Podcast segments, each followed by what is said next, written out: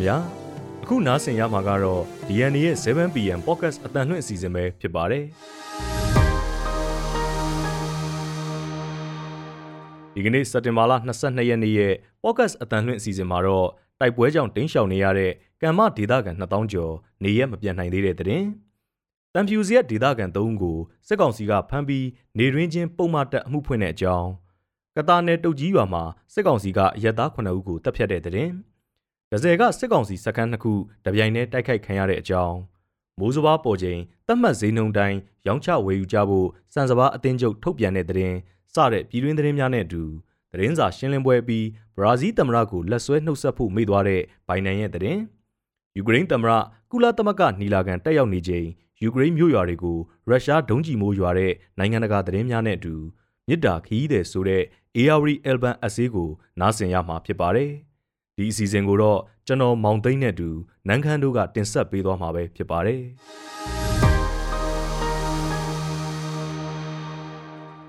အခုပြည်တွင်းသတင်းတွေကိုပြောပြပေးသွားပါမယ်။ပထမအဆုံးအနေနဲ့တိုက်ပွဲကြောင့်တင်းရှောင်နေရတဲ့ကာမဒေတာခန်2000ကျော်နေရက်မပြန်နိုင်သေးဘူးဆိုတဲ့အကြောင်းပါ။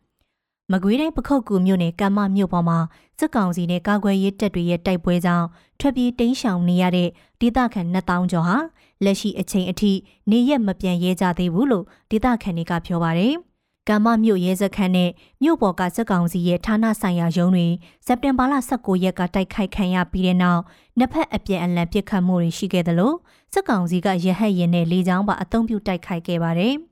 အဲ့ဒီပြစ်ခတ်မှုတွေကြောင့်ကမ်းမမြို့ပေါ်ရက်ွက်တွေမှာနေထိုင်နေတဲ့သူတွေနဲ့မြို့အနီးကျေးရွာ၁၂ရွာကဒေသခံတွေစုစုပေါင်းလူဦးရေ2000ကျော်လောက်ဟာထွက်ပြေးတိမ်းရှောင်ခဲ့ကြရတာလို့ကမ်းမဒေသခံတွေနဲ့မြိုင်မြို့နယ်ပြည်သူ့ကာကွယ်ရေးတပ်ဖွဲ့တို့ကပြောပါတယ်။တိုက်ပွဲအပြီးမှာပခုတ်ကူမြို့နယ်အခြေဆိုင်စစ်ကောင်စီတပ်တွေကကမ်းမမြို့အတွင်းလာရောက်တက်ဆွဲနေရယူထားသလိုမြို့အနီးကျေးရွာတွေမှာလည်းစစ်ကြောင်းထိုးနေတာမျိုးတွေရှိတာကြောင့်ဒေသခံတွေဟာနေရမပြန်ရဲကြသေးတာလို့ဆိုပါတယ်။ ကမ္မမြို့အနီးတစ်ဝိုက်ကျေးရွာတွေကဒေသခံတွေဟာကုန်စည်စည်းစိမ်မှုအတွက်ကမ္မမြို့ကိုအတိကအားထားနေရတာဖြစ်တယ်လို့ရာသီဥတုအခြေအနေအရလည်းလက်ရှိစပေးရှောင်နေရတဲ့သူတွေအတွက်လိုအပ်ချက်တွေများနေတယ်လို့လည်းဒေသခံတွေကပြောပါတယ်။ဒုတိယသတင်းတစ်ပုဒ်အနေနဲ့တံဖြူစီရဲ့ဒေသခံ၃ဦးကိုစစ်ကောင်စီကဖမ်းပြီးနေရင်းချင်းပုံမှန်တက်မှုဖွင့်တဲ့အကြောင်းကိုပြောပြပေးပါမယ်။မွန်ပြည်နယ်တံဖြူစီရဲ့မြို့နယ်ဒေသခံမျိုးသား၃ဦးကို လူမှုကွန်ရက်မှာနိုင်ငံရေးနဲ့ပတ်သက်တဲ့အကြောင်းအရာတွေရေးသားဖော်ပြခဲ့တယ်လို့ဆိုကာစစ်ကောင်စီကဖမ်းဆီးပြီးနိုင်ငံတော်အကြီးအကျယ်ပြက်စေမှုပုံမှ905ကကြီးနဲ့အမှုဖွင့်လိုက်တယ်လို့မြို့ကန်တွေက DNA ကိုပြောပါရယ်။တန်ဖြူစီယမြို့နယ်အောင်စီရရက်ကွက်ဘိုနေဝင်းလမ်းဘေးမှာဖွင့်ထားတဲ့ကြော်ကြော်ကြားဖုံးပြပြင်ရောင်းဝယ်ရေးစိုင်ပိုင်ရှင်နဲ့ဝန်ထမ်း2ဦးကိုစစ်ကောင်စီကစက်တင်ဘာလ20ရက်နေ့မှာဖမ်းဆီးသွားတာလို့သိရပါဗျ။ဖမ်းဆီးခံရတဲ့အမျိုးသား3ဦးရဲ့ဖုန်းကိုစစ်ဆေးကြည့်ရမှာ အမျိုးသားညီညွတ်ရေးအစိုးရ NUG PDF နဲ့ပတ်သက်တဲ့စာသားတွေကိုဖြန့်ဝေတာမှတ်ချက်ပေးရေးသားထားတာတွေလုပ်ထားတယ်လို့ဆိုကဖမ်းဆီးသွားတဲ့နေ့မှာပဲပုံမှန်905ကကြီးနဲ့အမှုဖွင့်ခဲ့တာလို့မြို့ကန်တူကပြောပါရယ်ဖမ်းဆီးခံရသူ၃ဦးဟာကြော်ကြော်ကြားဖုံးပြပြင်ရောင်းဝယ်ရေးစိုင်ပိုင်ရှင်အသက်38နှစ်အရွယ်ကိုအောင်ကိုဟိတ်နဲ့စိုင်ဝန်ထမ်းတွေဖြစ်ကြတဲ့အသက်34နှစ်အရွယ်ကိုညီညီလွင်အသက်25နှစ်အရွယ်ကိုညီညီထွေးတို့ဖြစ်တယ်လို့စစ်တပ်ထောက်ခံတဲ့ Telegram Channel တွေမှာဖော်ပြထားပါတယ်။ လက်ရှိမှာသူတို့သုံးလုံးကိုတံဖြူစီရဲ့မြို့မှရဲစခန်းမှာဖမ်းဆီးချုပ်နှောင်ထားပြီးစစ်ဆေးနေစဉ်ကာလအတွင်းရိုက်နှက်ခံရတာမျိုးတွေရှိတယ်လို့ဖမ်းဆီးခံရသူတွေနဲ့နှီးဆက်သူတွေကပြောပါတယ်။မွန်ပြည်နယ်မှာအခုလပိုင်းတွင်အမျိုးသားညီညွတ်ရေးအစိုးရ NUG PDF တွေကိုထောက်ပို့ပြုလုပ်တာဆက်သွယ်တာလူမှုကွန်ရက်စာမျက်နှာပေါ်တွေမှာမှတ်ချက်ရေးသားဖော်ပြတာတွေလုပ်တယ်ဆိုပြီးစစ်ကောင်စီက20ဦးနီးပါးအထိဖမ်းဆီးခဲ့ပါတယ်။ အဲ့ဒီထဲကတချို့ကိုတော့တပ်ဆိုင်ရာနယ်မြေရဲစခန်းမှာအကြမ်းဖက်မှုပုံမှန်တွေနဲ့အမှုဖွင့်အရေးယူတာတွေလည်းလုပ်ထားပါတယ်။ဆက်လက်ပြီးပြောပြချင်တဲ့အကြောင်းကတော့ကတာနယ်တုတ်ကြီးရွာမှာစစ်ကောင်စီကအယက်သား9ဦးကိုတပ်ဖြတ်တယ်ဆိုတဲ့အကြောင်းကိုပြောပြပေးပါမယ်။စကိုင်းတိုင်းအထက်ပိုင်းကတာမြို့နယ်တုတ်ကြီးရွာကိုဝင်ရောက်မွေနှောက်ခဲ့တဲ့စစ်ကောင်စီတပ်ဟာအယက်သား9ဦးကိုတပ်ဖြတ်ခဲ့ပြီးတော့လက်ရှိအထိရုပ်အလောင်းလေးလောင်းပဲပြန်တွေ့ထားတယ်လို့ဒေသခံတဦးက DNA ကိုပြောပါရယ်။ စစ်ကောင်စီတပ်တွေပြန်ထွက်သွားပြီးတဲ့နောက်စုစုပေါင်းအမျိုးသား9ဦးပျောက်ဆုံးနေတာဖြစ်ပြီး၄ဦးရဲ့ရုပ်အလောင်းတွေကိုပြန်တွေ့ထားတယ်လို့သူကပြောပါတယ်။နောက်ထပ်3ဦးကတော့ရုပ်အလောင်းမတွေ့ရပေမဲ့ရွာအတွင်းခြေရလက်ရာတွေအရအသက်ခံလိုက်ရပြီလို့ယူဆထားကြတယ်လို့လည်းဆိုပါတယ်။အဲ့ဒီ3ဦးရဲ့ရုပ်အလောင်းတွေကိုတော့စစ်ကောင်စီကမြစ်ထဲကိုမျောချဖျောက်ဖျက်လိုက်တာဒါမှမဟုတ်ရွာထဲကနေအိမ်တွေနဲ့အတူထဲ့သွင်းမီးရှို့လိုက်တာဖြစ်နိုင်တယ်လို့ဒေသခံတွေကယူဆကြပါတယ်။ အေယာရီမြစ်အတိုင်းဗမော်မြို့ကိုစံတက်လာတဲ့စစ်ကောင်စီရေရင်အုပ်စုဟာစက်တင်ဘာလ18ရက်ကကတာမြို့နယ်ကိုဖျက်တမ်းချိန်မှာတိုက်ခိုက်ခံရပြီးတဲ့နောက်တုတ်ကြီးရွာမှာကန့်ကပ်ပြီးနေအိမ်တွေကိုမီးရှို့တာအရက်သားတွေကိုဖမ်းဆီးတပ်ဖြတ်တာတွေလုပ်ခဲ့တာပါကတာမြို့မြောက်ဖက်12မိုင်ဝန်းကျင်အကွာအေယာရီမြစ်ကမ်းဘေးကတုတ်ကြီးရွာတဲ့စစ်ကောင်စီတပ်ဖွဲ့ဝင်တွေကလက်နက်ကြီးလက်နက်ငယ်တွေနဲ့ပစ်ခတ်ဝင်ရောက်ကမိရှို့ခဲ့တာကြောင့်နေအိမ်34လုံးပျက်စီးခဲ့တယ်လို့ဆိုပါတယ်။ အဲ့ဒီဖြစ်စဉ်နဲ့ပတ်သက်ပြီးစစ်ကောင်စီထောက်ခံတဲ့ Telegram Channel တွေမှာ PDF တပ်ဖွဲ့ဝင်6ဦးရုပ်အလောင်းတွေရရှိတယ်လို့ဖော်ပြကြပေမဲ့ဒေသခံတွေကတော့တည်ဆုံသူတွေဟာအရက်သားတွေတာဖြစ်တယ်လို့ပြောပါတယ်။လက်ရှိကာလဟာမိုးတွင်းဖြစ်လို့ရေတိုက်စားမှုတွေဖြစ်နေတာကြောင့်အင်ဂျင်နီယာဝင်းကျင်ရှိတဲ့တုတ်ကြီးရွာကဒေသခံတွေဟာရွာလုံးကျွတ်နီးပါးဘေးလွတ်ရာကိုရှောင်နေကြရပြီးအမျိုးသားတချို့သာကြံခဲ့ချိန်အခုလိုတက်ဖြတ်ခံခဲ့ရတာလို့ဒေသခံအမျိုးသားကပြောပါတယ်။ ဒုတ်ကြီးရွာမှာမီးရှို့တပ်ဖြတ်မှုတွေလုပ်ခဲ့တဲ့စစ်ကောင်စီရေရင်အုပ်စုဟာရွှေကူမြို့နယ်ဖက်ဆက်လက်ထွက်ခွာပြီးရေပြင်းရွာမှာညအိတ်တက်ဆွဲခဲ့ပြီးတော့နောက်တရက်မနက်ပိုင်းမှာရွှေပေါင်ဆက်လေအစီး40လောက်ကိုမိရှို့ဖျက်ဆီးခဲ့တယ်လို့မြို့လပြည်သူ့ကာကွယ်ရေးတပ်ဖွဲ့မြို့လ KPDF ကထုတ်ပြန်ထားပါတယ်။နောက်ထပ်သတင်းတစ်ပုဒ်အနေနဲ့ဒဇယ်ကစစ်ကောင်စီစခန်းတစ်ခုတပြိုင်တည်းတိုက်ခိုက်ခံရတဲ့အကြောင်းကိုပြောပြပေးပါမယ်။ စကိုင်းတိုင်းဒဇယ်မြို့ပေါ်မှာရှိတဲ့စစ်ကောင်စီစခန်းနှစ်ခုကိုဝင်ရောက်တိုက်ခိုက်ခဲ့တာကြောင့်စစ်ကောင်စီတပ်သား20ကျော်သေဆုံးပြီးတနက်14လက်သိမ်းဆည်းရရှိထားတယ်လို့ဒေါ်လာရင်းအင်အားစုတွေကပြောပါတယ်။ဒဇယ်မြို့အနောက်ဘက်ကဒေါင်းမင်း73စီဆိုင်နဲ့မြို့ပေါ်ကလာဝကရုံးမှာအထိုင်ချထားတဲ့စစ်ကောင်စီတပ်တွေကိုမနေ့ကညတကောင်ကျော်ဒီကနေ့မနက်အစောပိုင်းမှာစတင်တိုက်ခိုက်ခဲ့တာလို့ဒေတာတွင်းသတင်းတွေဖော်ပြပေးနေတဲ့ Voice of ဒဇယ်တာဝန်ရှိသူတို့ကပြောပါတယ်။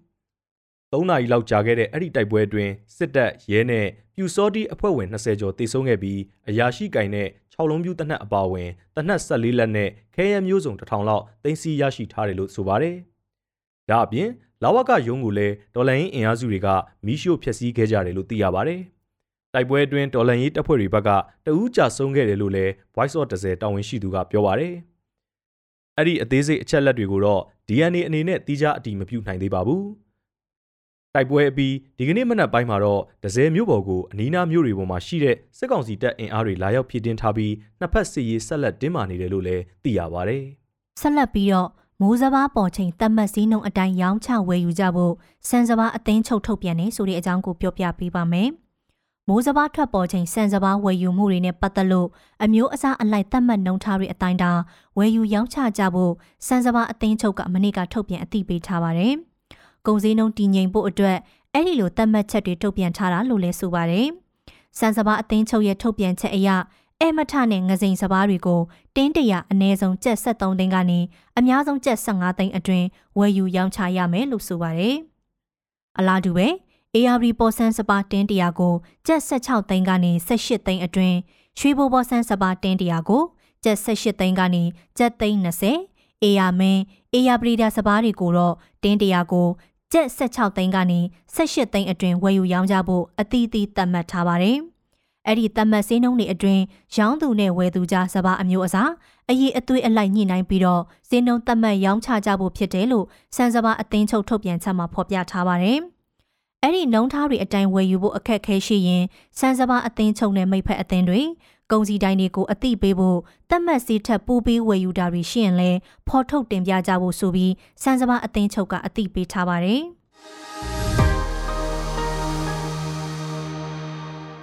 ဆက်လက်ပြီးတော့နိုင်ငံတကာသတင်းတွေကိုကိုမောင်သိန်းကတင်ဆက်ပေးပါမယ်။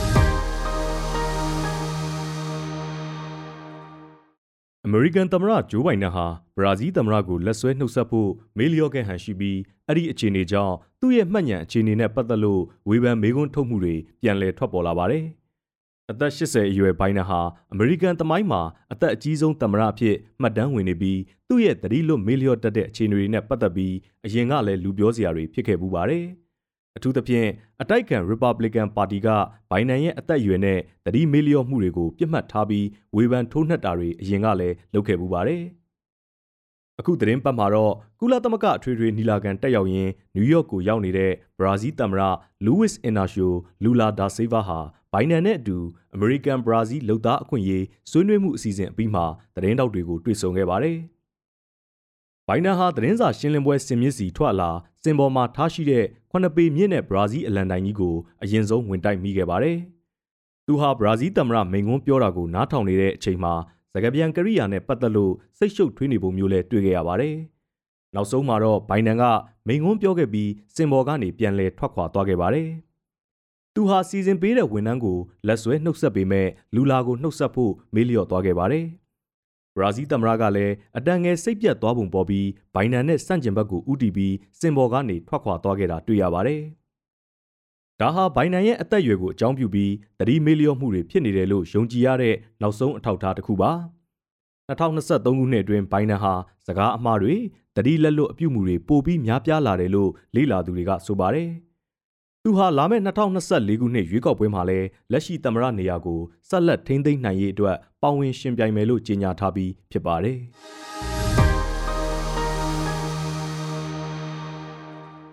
ကုလသမဂ္ဂအထွေထွေညီလာခံကိုယူကရိန်းသမ္မတတက်ရောက်နေချိန်နဲ့တိုက်ဆိုင်ပြီးရုရှားဟာသတင်းပတ်တော်တော်များများအတွင်းအပြင်းထန်ဆုံးစစ်စင်ရေးတွေနဲ့ယူကရိန်းကိုတိုက်ခိုက်ခဲ့ပါတယ်။စက်တင်ဘာ22ရက်ကယူကရိန်းရဲ့မြို့ကြီးတော်တော်များများဟာရုရှားရဲ့ဒုံးကျည်မိုးရွာတဲ့တံကိုခံစားခဲ့ရပါတယ်။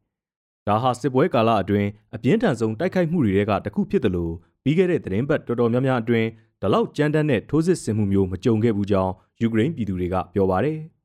။မြို့တော်ကီယက်အပြင်စစ်မြေပြင်နဲ့ဝေးကွာတဲ့ယူကရိန်းအနောက်ပိုင်းဧရိယာတွေထိရုရှားဒုံးကျည်တန်းကြောင့်အခြေခံအဆောက်အုံတွေပျက်စီးတာဓာတ်အားလိုင်းတွေပြတ်တောက်တာတွေကိုကြဲကြဲပြန့်ပြန့်တက်ရောက်ခံစားခဲ့ရပါတယ်။ရုရှားဟာ ပြီးခဲ့တဲ့နှစ်တုန်းကလည်းစောင်းရသည်မဝင်ခင်မှာယူကရိန်းရဲ့ဓာတ်အားပေးစနစ်တွေကိုရည်ရွယ်ချက်ရှိရှိတိုက်ခိုက်ခဲ့ပူပါတယ်။အခုလဲစောင်းရသည်နီးကပ်လာချိန်မှာနောက်ထပ်အလားတူလေကြောင်းထိုးစစ်ဆင်မှုမဟာဗျူဟာအသစ်ကိုအစပြိုးလာတာဖြစ်နိုင်တယ်လို့လေ့လာသူတွေကသုံးသပ်ကြပါတယ်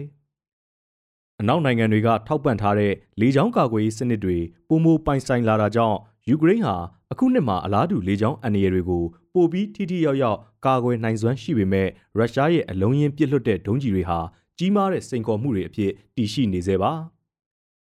ယူကရိန်းစစ်ဦးစီးချုပ်ရုံးရဲ့ထုတ်ပြန်ချက်အရစက်တင်ဘာ22ရက်မှာနိုင်ပိုင်းအတွင်းမြို့ကြီးတွေစီဥတီလာတဲ့ရုရှားဒုံးကျည်43စင်းရှိခဲ့ပြီး36စင်းကိုယူကရိန်းကပစ်ချနိုင်ခဲ့တယ်လို့သိရပါဗျ။ဒါပေမဲ့ကြံတဲ့ဒုံးကျည်တွေကတော့လူနေဧရိယာတွေနဲ့အခြေခံအဆောက်အုံတွေကိုထိမှန်ခဲ့ပါတယ်။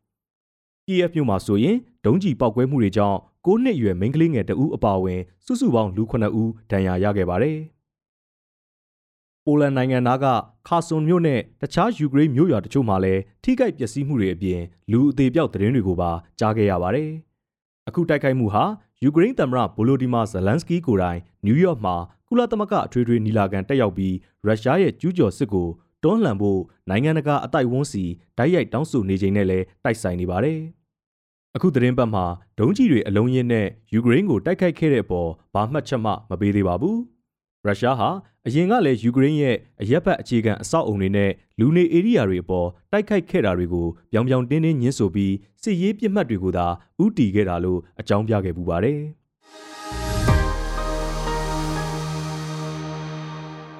အခုဆက်လက်ပြီး မြစ်တာခီးတယ်ဆိုတဲ့ AR Album အစေးကို နားဆင်ရမှာပဲဖြစ်ပါတယ်မြစ်တာခီးတယ်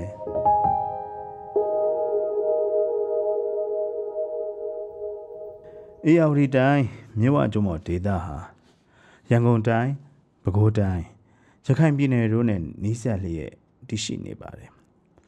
ဟင်္ဒရာတစ်ဖက်ကအေဟာဝရီမြစ်ကိုကူးလိုက်ရင်ပဲခူးတိုင်း အနောက်ချမ်းကိုရောက်တယ်လို့ဇလွန်တစ်ဖက်ကန်းကိုကူးရင်လဲရန်ကုန်တိုင်းကိုရောက်ပါတယ်ငတိုင်းချောင်းကငဝင်မြကူးတရားကိုဖြတ်ကျော်ရင်ရခိုင်ပြည်နယ်အဆက်ရောက်တယ်လို့မြောင်ကြံကင်းကဆက်သွားရင်လဲဗရောင်းရွှေတောင်စင်တဲအစရှိတဲ့ပဲခူးနယ်တွေကိုရောက်ပါတယ်ကားလမ်းတွေကောင်းကောင်းမပေါက်ခင်က AR တိုင်းကခီးတဲ့တွေဟာရေလန်းမြေထားလန်းကိုသာအားကိုးရပါတယ်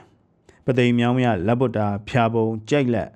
မုတ်ဥပင်တထိုးကခီးသွားတွေဟာရန်ကုန်မြို့တော်ကိုတွားမယ်ဆိုရင်တင်မောစီတွားကြပါတယ်တင်မောကတွန်တေးတူးမြောင်းကတဆင့်ရန်ကုန်မြစ်ထဲဝင်ပြီဆိုတာနဲ့ရွှေတကုံဖျားကိုဖူးမြင်ရတာကြည်ညိုစရာပါအေရီမြောက်ဖျားကကြံကင်းမြန်အောင်ဟင်္ဒရာသားတွေကတော့ရန်ကုန်ကိုဆိုရင်အေယာရီမြစ်ကိုဇက်နဲ့ကူးပြီးတစ်ဖက်ကန်းက တာရောဘူတာကနေကြီးမြင့်နိုင်ဘူတာအထိယထာနဲ့ခီးဆက်ကြရတာပါပဲရယထာကလေဗဒန်တာယာဝတီတိုက်ကြီးမှော်ပြီးဖြတ်ပြီးအင်းစိန်ကနေရန်ကုန်ထဲကိုဝင်ပါတယ်ရန်ကုန်ပသိမ်ရန်ကုန်ဟင်္ဒရာကားလမ်းတွေပြီးတဲ့နောက်ရန်ကုန်ကိုကားနဲ့တွာလာသူပိုများလာပါတယ်ညောင်တို့မျိုးနယ်တဲကစက်ကော့ရွာမှာအေယာရီမြစ်ကိုဇက်နဲ့ကူးပြီးရန်ကုန်ကိုခီးဆက်ရတာပါ အဲ့ဒီတော့ကအေယာရီအဝေးပြေးဂိတ်ဟာစင်မလိုက်မှာပါအခု Grand Hunter ဆေးရုံနေရာပေါ့နောက်မှလှိုင်းသားရရောက်သွားပါတယ်ဘုံမြတ်ထွန်းတရာပြီးတဲ့နောက်လမ်ပန်ချော့မွေလာတဲ့အခါအေယာရီတိုင်းကလူကြီးလူငယ်တွေဟာရန်ကုန်ကိုအကြောင်းမျိုးမျိုးနဲ့အခြေချလာပါတယ်အဲ့ဒီအထဲမှာစက်ယုံအလုတ်ယုံတွေမှာအလုတ်စင်ကြသူတွေကအများစုဖြစ်ပါတယ်တရင်ကျို့ပိတ်ရက်နဲ့တကြံရက်တွေဆိုရင် ရန်ကုန်ကနေ AR တိုင်းကို ပြန်ကြတဲ့ခီးသည်တွေဟာတကုံ AR အဝေးပြေးကွင်းမှာစီကားလို့နေပါတယ်မိဘဘိုးဘွားမိသားစုတွေအတွက်ရန်ကုန်လက်ဆောင်တွေလည်းသူတို့နဲ့အတူပါသွားတာပေါ့နေပြန်ရောက်တဲ့အခါမိဘဘိုးဘွားတွေကတော့တော့ညီကိုမောင်နှမတွေလက်ဆောင်ပေးနေရန်ကုန်လက်ဆောင်တွေဟာမျက်နှာပန်းလှလို့ပေါ့ပရဲ့စေးလို့ရန်ကုန် ပြန်ကြတော့တဲ့အခါမိသားစုတွေကလည်းလက်ဆောင်ပြန်ပေးခြင်းရှာတော့ရွာထွက်ခြံထွက်တည်တည်တင်နံတွေခုစွတ်ပေးကြပြန်ပါတယ်ဘာကြီးကစံ6ပြီတဲ့အဖေကခြံထွက်ဖီချမ်းငပြောသီးတခိုင်အမေကအိမ်နောက်ဖေးစင်ပေါ်ကဘူးဒီတလုံးချင်းရင်အိမ်ကအမတို့လင်မယားကပိတ်နေသည့်တလုံးရန်ကုန်မှာဈေးကြည့်တယ်နော်လို့ပြောလိုက်သေး အကြီးလေးတို့အိမ်ကကောက်ညင်းဆန်တပြေးနဲ့ပဲနီလေးနှုတ်စီနှလုံးစသဖြင့်ဝိုင်းပေးကြတော့ရန်ကုန်ပြန်မဲ့လင်မယားနှစ်ယောက်မှာတယောက်မျက်နှာတယောက်ကြည့်ပြီးဒီပစ္စည်းတွေဘယ်လိုသဲရမလဲပေါ့အပြန်ခရီးမှာမြို့ကကားဂိတ်ရောက်တာနဲ့ကားစပယာကလူစီးကအပြင်တန်စာကတောင်းပါတယ်ရန်ကုန်ရောက်တော့လဲဒီဝင်းစီစလဲတွေနဲ့လိုင်းကားစီးဖို့မဟန်တော့တက်စီငှားရပြန်ပါတယ်ဘာမဆိုဈေးတွက်တွက်တက်တဲ့ မယားဖြစ်သူကသူ့လင်းတော်မောင်ကိုရှင့်အမျိုးတွေပေးလိုက်တာကအလကားရတာဟုတ်ပါတယ်ဒါပေမဲ့ကားကားနဲ့တွက်ရင်တော့မကြိုက်ဘူးတော်ရေးလို့ဆိုပါတယ်တစ်ချိန်ကလို့မြစ်ကိုဇက်နဲ့ကူးသွားရမယ်ဆိုရင်ဒီမိမခိုးအရှုံးပေးလောက်အောင်ညီးမှတေချပါတယ်တကယ်တော့အေယာဝတီဟာရန်ကုန်နဲ့အလံမဝေးတဲ့အတွက်အလွမ်းအဆွေးနဲ့နေကြသူတွေပါ ရန်ကုန်ကမိသားစုတွေကတတိရလိုက်တာနဲ့အေယာဝတီကိုဟောကနေရောက်သွားကြအေယာဝတီကမိသားစုတွေကလည်းထုံနီးတူပါပဲတရသီးစိမ့်လေးတွေပေါ်ပြီးဆိုတာနဲ့ငါသားသမီးတွေအတွက်တချင်းပို့လိုက်မယ်ဒီနှစ်စိမ့်သားရေကြုံငပိလေးထဲ့ထားတာကားဂိတ်သွားယူအောင်ဆိုတာမျိုးအသီးနှံလေးပေါ်တာနဲ့ရန်ကုန်မှာဈေးကြီးပေးရမှာမလက်ဆက်မှာစိုးတာနဲ့မေတ္တာထားပို့တတ်ကြသူတွေပါ ရန်ကုန်နေရတဲ့သူတွေမှာတော့ဝင်စီစလဲတရားပို့ရတဲ့ကိစ္စဆိုဒုက္ခလို့မှတ်ပါတယ်လမ်းသွားရင်တော့ထီလီတစ်ချောင်းမတည်ခြင်းကြသူတွေပါနေကမိဘမောင်ဘွားတွေကအမွန်တမျက်နဲ့လက်ဆောင်ပစ္စည်းတွေပို့လိုက်ပြီးဆိုရင်ကားဂိတ်သွားယူရမှာကိုတာဝန်ကြီးတယ်လို့မှတ်ယူကြပါတယ်ရန်ကုန်မှာဝယ်လဲရတာပဲလေဒုက္ခခံပြီးပို့ရတယ်လို့ဆိုတာမျိုးတောင်ရှိကြပါတယ် ရန်ကုန်ကနေသတင်းကျွတ်ကြော့ဖို့နေကမိသားစုတွေစီရောက်သွားတဲ့ဂျီတိုးနက်နဲ့နေကအပြန်လက်ဆောင်ပေးလိုက်တဲ့ဘူးဒီတစ်လုံးဟာတန်ဖိုးချင်းကွာပေမဲ့မေတ္တာတန်ဖိုးကအတူတူပါပဲလေးတာပေါ့တာဝင်ကြီးတာသေးတာမကွာပါဘူးကွာနေတာကစိတ်ပါငွေတန်ဖိုးထက်မေတ္တာတန်ဖိုးကြီးမားစွာအပြန်အလှန်စီစဉ်နေကြတဲ့မေတ္တာခီးသည်တွေကိုမြင်အောင်ကြည့်က တန်ဖိုးထားနိုင်ကြပါစေကြောင်း AR Evan ပရိသတ်ကြီးများခင်ဗျာ